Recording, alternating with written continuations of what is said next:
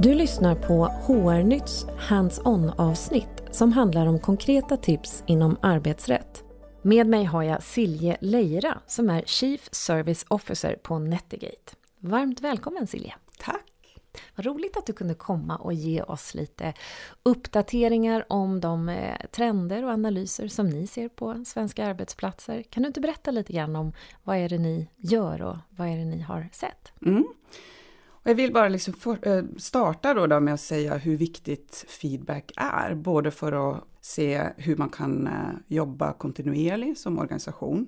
Det här är ju ett strategiskt verktyg både för att få en övergripande bild av hur organisationens styrkor är, men också, också utvecklingsområden. Då, då. Och när vi ser på dagens arbetsmarknad hur stor rörlighet det är och hur stor kompetensbrist det är så är det här viktigt. Så engagerade medarbetare, det är superviktigt. Eh, och därför så har vi då tagit fram den här benchmarken som vi har gjort sedan 2019 eh, med vår eh, engagemangsmodell. Det är då 28 frågor som vi ställer till svenska arbetstagare och i år så har vi fått in ja, men runt i överkant av 3000 svar. Eh, där de svarar på frågor kring individen, kring teamet, eh, sin egen organisation, sin närmsta chef och hur kulturen är på sin arbetsplats. Så det är superspännande. Verkligen. Och vad, ser ni några förflyttningar eller trender på de här åren som ni har genomfört den undersökningen?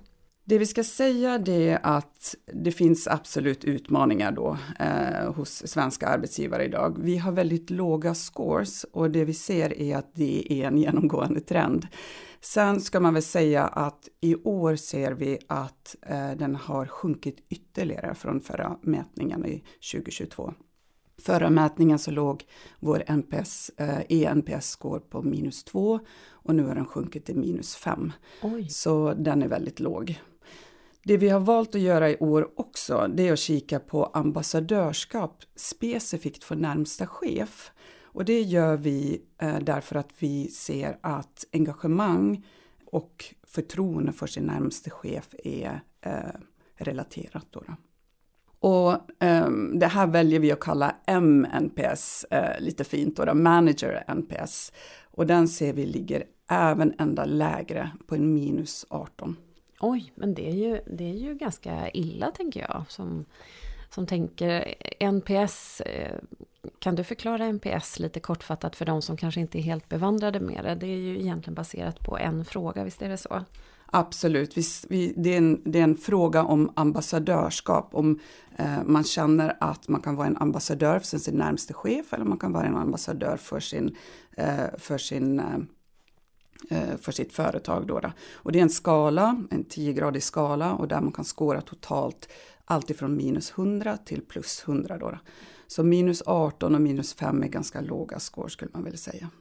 Så det man kikar på är då om medarbetaren är en ambassadör eller om man är då en detractor från företaget eller från sin närmsta chef. Just det. Och frågan är någonting i stil med, skulle du rekommendera den här arbetsgivaren till en vän? Någonting sånt har jag för mig att NPS-frågan Abs brukar vara. Absolut, mm. precis så. Okej, okay. men då har, då har NPSen, eller MNPSen som ni kallar det för, för Eh, medarbetare, eller chefens betydelse sa du för medarbetarengagemanget, den har gått ner. Mm. Finns det andra siffror som, som har visat en förändring? Det har det absolut. Vi kan gå igenom mm. dem lite, lite uh, steg för steg. Um, det vi kan också se det är att uh, chefer som brukar vara oftare en nöjdare gruppering i de här undersökelserna, de har också gått ner. Så att vi har en Eh, ja, övergripande så sjunker våra eh, resultat år för år. Då.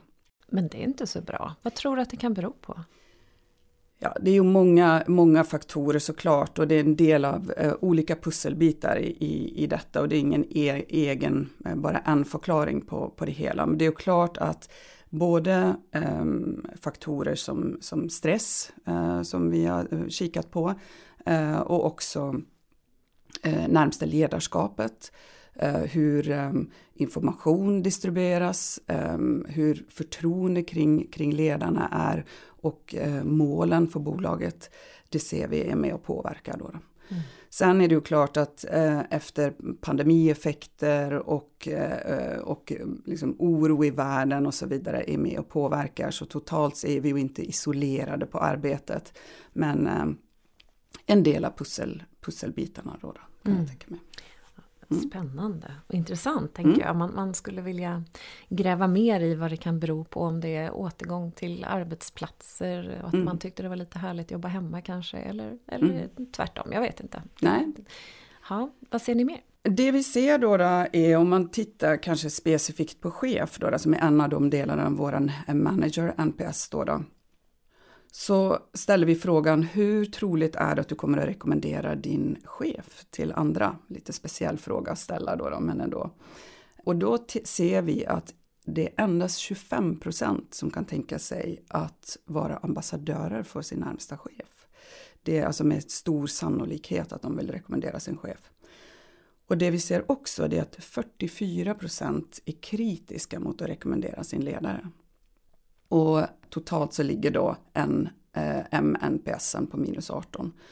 Och då kan man fråga sig varför är det viktigt att, att mäta då? Eh, men det handlar ju om att chefens ledarskap och förmågan att både motivera och stödja medarbetarna det är ju en förutsättning för att man ska trivas och, och ha engagemang. Och eh, dessutom så finns det ju eh, ett tydligt samband eh, mellan synen på närmsta chef och avsikten att vara lojal mot företaget. Så det är en betydligt större andel av de som är kritiska gentemot sin närmsta chef som också söker aktivt söker nytt arbete. Så i vår mätning så sägs det då att 42 procent av de som är kritiker, de kommer att ha slutat eh, inom ett år. Det är ju det är otroligt intressant mm. och det tänker jag blir ganska stor effekt också på kostnadsmässigt till exempel. Att eh, dels ha folk som eh, aktivt kanske söker sig därifrån men, men också en, en bristande eh, vad ska man säga, lojalitet och framtidstro hos den nuvarande arbetsgivaren. Det är ju inte alls bra för, för engagemanget såklart.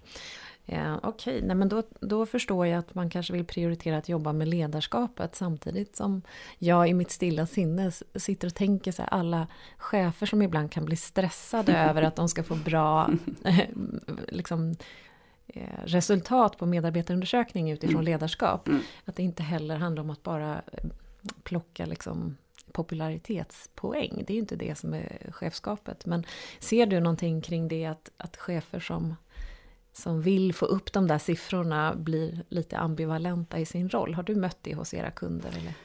Absolut, och, och, bara för att, för att ta det, det finns ju en, en saying som säger medarbetare lämnar inte ett jobb, de lämnar sin chef. Och det, det kan stämma till en viss del, men lite som jag sa inledningsvis, det är en del av pusslet. Jag tror det som är viktigare att fokusera på istället för att söka popularitetspoäng, det är om man vänder på det och säger, säger så här, de, de kunder som vi ser verkligen jobbar med ledarskapet, eh, då skapar det också engagemang.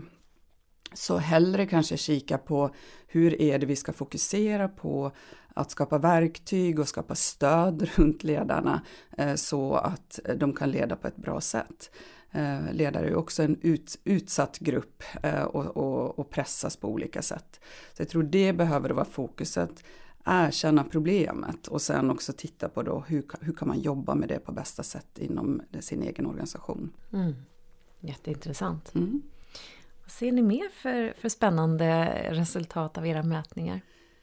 Eh, en annan faktor som, som är väldigt viktig idag det är ju eh, det här kring stress och utbrändhet. Ehm, och våra kunder har ju de senaste åren varit där vi sett ett ökat intresse för att mäta just stressfrågor och utbrändhet. Då.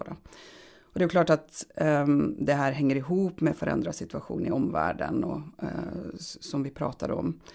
Men vi ser också att frågor kring stress allt oftare visar sig vara drivkrafter då, då för en generell nöjdhet och ENPS. Så alla de här sakerna som jag pratar om nu, de kopplar ju till den totala bilden av engagemang som vi pratade om i början. Mm. Det som är intressant här det är att titta på det är att um, endast hälften av respondenterna som vi eh, tillfrågade de anser att stressfrågor tas på allvar av deras organisation. Och det tycker vi är ganska eh, allvarliga siffror då. då. Och kopplat till utbrändhet så ser vi att 21 procent av de tillfrågade eh, eh, visar symptom som fysisk eller psykisk trötthet och räknas i riskzonen då, då för, för utbrändhet.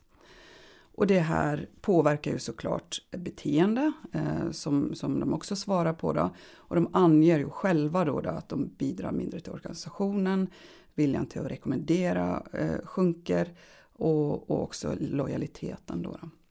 Det, det, är ju allvarligt, tänker jag, 21 procent mm. som upplever så pass hög grad av stress att man ligger i riskzonen och att mm. man då bidrar i mindre utsträckning. Var det så du sa? Mm. Ja, det är ju, det är ju faktiskt ganska allvarligt. Ja, um. och det är ju också uh, det som um, också är viktig faktor här är att vi har en ganska eh, vad ska man säga, sträng skala då, då för, så att svaren som vi får det är eh, de här 21 procenten de har eh, antingen hög eller väldigt hög eh, liksom upplevelse av stress och, och ligger på gränsen. Då, då. Och det är många som tänker att så länge man har eh, Eh, liksom bra kompisar på jobbet och så vidare så, så, så, hjälper det här. Men forskningen den säger ju lite, eh, lite sitt.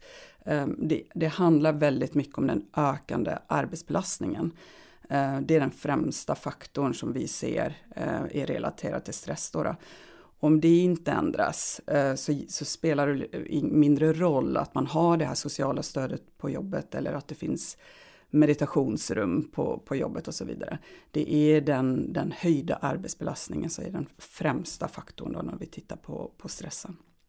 Så det här ligger ju helt enkelt på, på arbetsgivaren, eh, arbeta med det och se vad som är en rimlig arbetsbelastning eh, för medarbetarna. Då. Mm.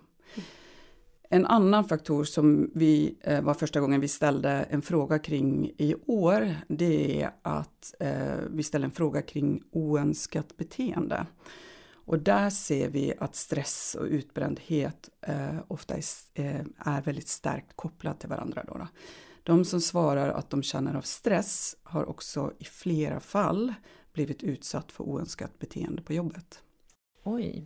Men oönskat beteende, vad skulle det kunna vara till exempel? Är det upp till den som läser undersökningen att tolka då? Eller, för det är inte kopplat till OSA-frågorna med, med kränkningar och liknande utan det är mer en, en öppen, fråga, öppen fråga för tolkning så att säga. Absolut, mm. och det här är ju det här är ju utmaningen som jag tror eh, väldigt många företag och HR-chefer känner som en utmaning. Eh, hur kan vi prata om vad är oönskat beteende rent allmänt och vad som kan uppfattas som oönskat beteende utan att det går väldigt direkt på en sak eller på en rapporterad incident eh, och så vidare. Då.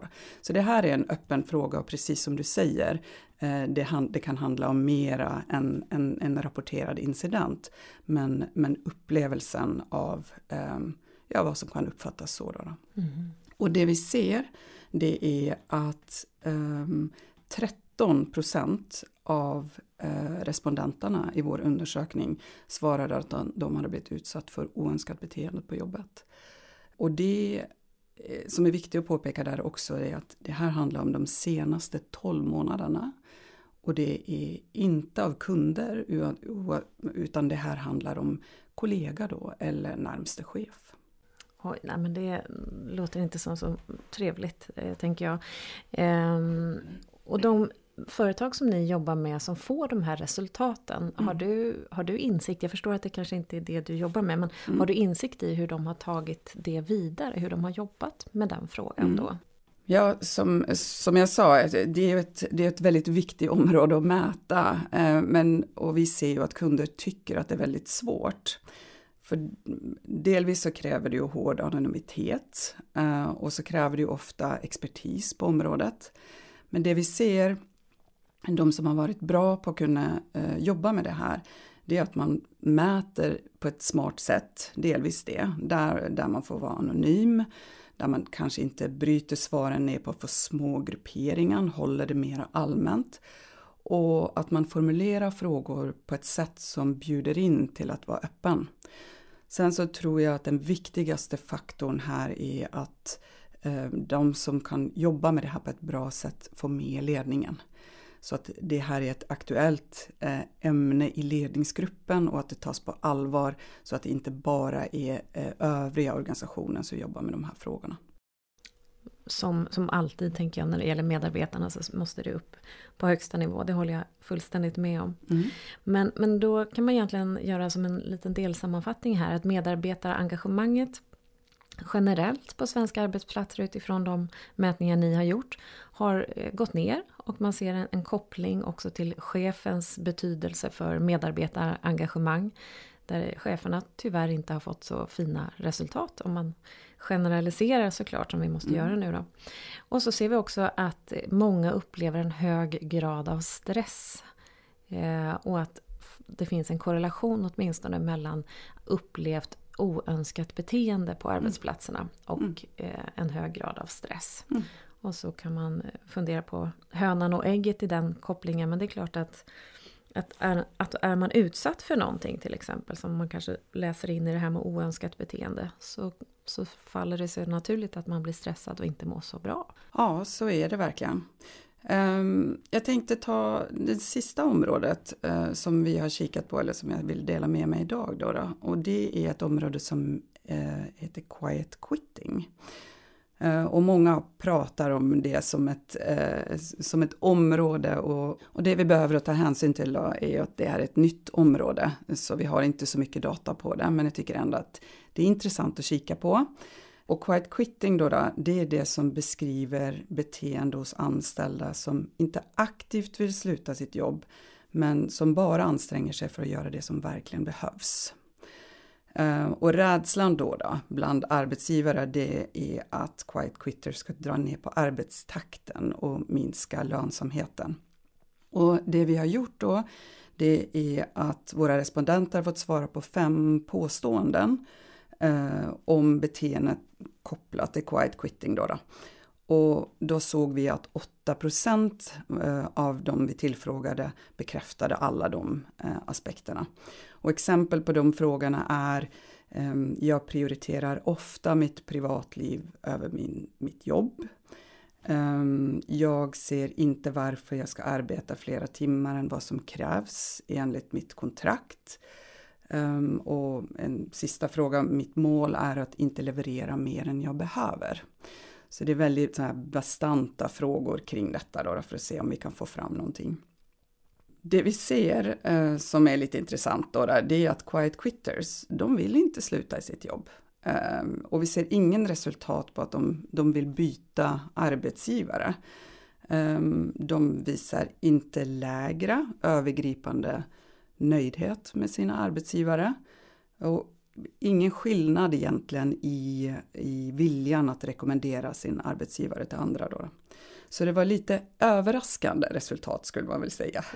Ja men verkligen, jag, jag sitter själv och reflekterar lite här över om, om de då är på väg att sluta som man hör av ordet quiet quitters mm. eller om de faktiskt bara är det här kärngänget som, som tuggar på och, och, och liksom matar på dag in och dag ut men, mm. men inte vill jobba ihjäl sig eller mm. göra karriär eller vad det nu kan vara. Det, det, det kanske kan vara någonting i det också. Det kanske inte per automatik är, är något dåligt. Man kan ju behöva lite olika personer tänker jag i en, ja. i en organisation eller på en avdelning. Men det håller jag? jag helt med om. Eh, så att, men, men det är viktigt att titta på dem som grupp och, och jag tror vi kommer att fortsätta följa den utvecklingen då, då på, på att kika på det. Det vi ser är att tendensen till quiet quitting det är lite mer utbredd bland, bland yngre också bland offentliga anställda. Och dessutom så ser vi också att män uppvisar beteenden lite högre grad än, än kvinnor. Då, då. Så när vi kikar, är det någonting som skiljer då, då quiet quitters från, från övriga så är det oftast att de är mindre nöjda med lön och förmåner. Då, då som kan ge någon indikation på att de inte vill arbeta eller leverera mer än det de faktiskt känner att de har betalt för. Men jag vill igen bara poängtera att det är ett relativt nytt begrepp och det är svårt både att definiera och mäta och lite som du säger också vad, vad handlar det egentligen om, hur, hur, många timmar man ska jobba och så vidare. Det, Eh, mera min personliga åsikt. Då, då. Eh, men det är viktigare, som jag sagt tidigare, det är viktigare att titta för alla medarbetare. Vad är det som är en rimlig arbetsbelastning? Ehm, och, och titta på liksom, eh, hur, hur ska rimliga mål se ut och så vidare. Nej, men det som jag tycker är intressant i det här, det, och det som man kan fundera lite på, det är ju när du beskriver att det är många yngre som har svarat på frågan runt quiet quitting mm. på, på ett sätt som gör att de är, är fler, så att säga. Eh, om det är en generationsfråga, att man mm. har en annan typ av inställning till jobbet i en yngre generation. Mm. Eh, samtidigt var det lite kul att höra att, eller kul, jag vet inte, men, men att det var fler män. Mm. Eh, och man undrar lite vad det beror på, om, om det här med benämningen duktig flicka har en, mm. att det finns någonting kring det. Mm trots allt. Ja, inte vet jag. Nej, och det är ju precis därför det är ett rätt intressant område att både följa upp och kunna se vidare då, då om vi kan, kan se några trender på det i, i närmsta år. Då, då. Ja men verkligen. Mm. Det var otroligt eh, spännande eh, resultat och eh, analyser som ni har gjort. Mm. Tusen tack för att du har delat det. Eh, sen avslutningsvis då, då för, för att kanske sammanfatta och säga vad är då de viktigaste drivkrafterna för att öka ambassadörskapet? Eh, för att kika på det då, då så tror jag vi kan sammanfatta det på det här sättet. Delvis att ha ett stärkt förtroende för ledningen, att det finns en tro på en positiv utveckling. Eh, att det finns ett informationsflöde och finns en tydlighet i övergripande mål Um, och sen ledarna som vi har pratat mycket om, att de är goda förebilder, att de motiverar, visar uppskattning för sina medarbetare. Sen medarbetarnas självs, deras utvecklingsmöjligheter, hur man kan få vara delaktig uh, och känslan, känslan då av att vara uppskattad. Och till sist stress, uh, att stressfrågor tas på allvar inom organisationen. Och kan man jobba med dessa eh, bit för bit, man klarar inte allt, det vet vi alla själva. Men om man kan ta vissa av de här delarna och, och sätta dem högst på agendan så kommer de att, att föra till bra resultat. Det låter jättebra. Då, då har vi ledarskap, kommunikation, utvecklingsmöjligheter för medarbetare och att man faktiskt tar frågan kring stress på, på riktigt allvar. Det, det är några parametrar, så om man lyckas vända de siffrorna till någonting positivt så får det ett mycket större eh, resultat på, på, eller påverkan på medarbetarengagemanget då, om, om jag har uppfattat det rätt. Så är det. Bra, du, det är en liten to-do-lista till våra ledare och HR där ute, men, men jag tror att det är väldigt nyttigt att se och jag tycker det var väldigt intressant att höra om de analyser som ni har gjort. Tusen tack för att du var här och delade med dig, Silja. Tack för att jag fick komma.